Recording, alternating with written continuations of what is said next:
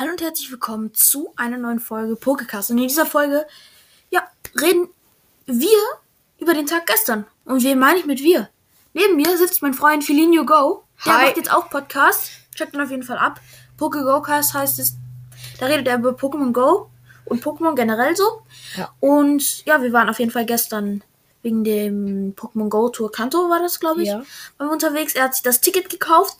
Er hat, glaube ich, über 10 Shinies bekommen. Ja. Das werdet ihr dann auf jeden Fall noch bei ihm am Podcast mitbekommen. Da werden wir auch gleich noch eine Folge aufnehmen. Und ähm, ja, auf jeden Fall. Die Sachen, die ich gestern gemacht habe. Also ich habe viele Quests gemacht.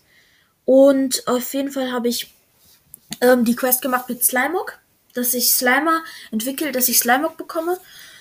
Und ja, dann habe ich ein 1720er Slimog bekommen. Auf jeden Fall schon ganz stabil.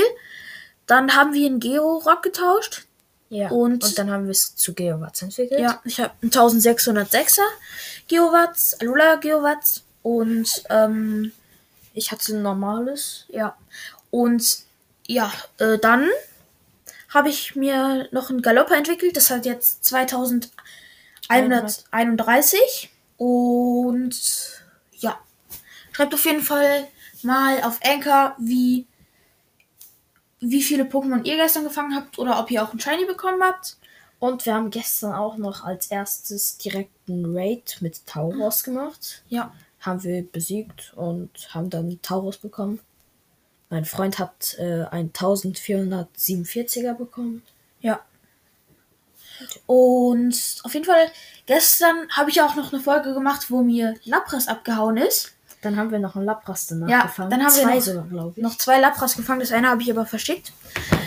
Und zwar, ich habe jetzt einen 1788er und jetzt hier ähm, 18 Bonbons sogar schon. Und ja, auf jeden Fall haben wir dann noch, oder ich eher gesagt, habe ich dann noch einen 2024er Aerodactyl gefangen. Und ja, ich glaube, das war schon. Ich habe gestern dann natürlich noch das Glurak entwickelt. Checkt die Folge auf jeden Fall ab. Und ich würde sagen, wenn euch dieses kleine Update gefallen hat, würde es mich freuen, wenn ihr einmal folgen würdet. Und ciao.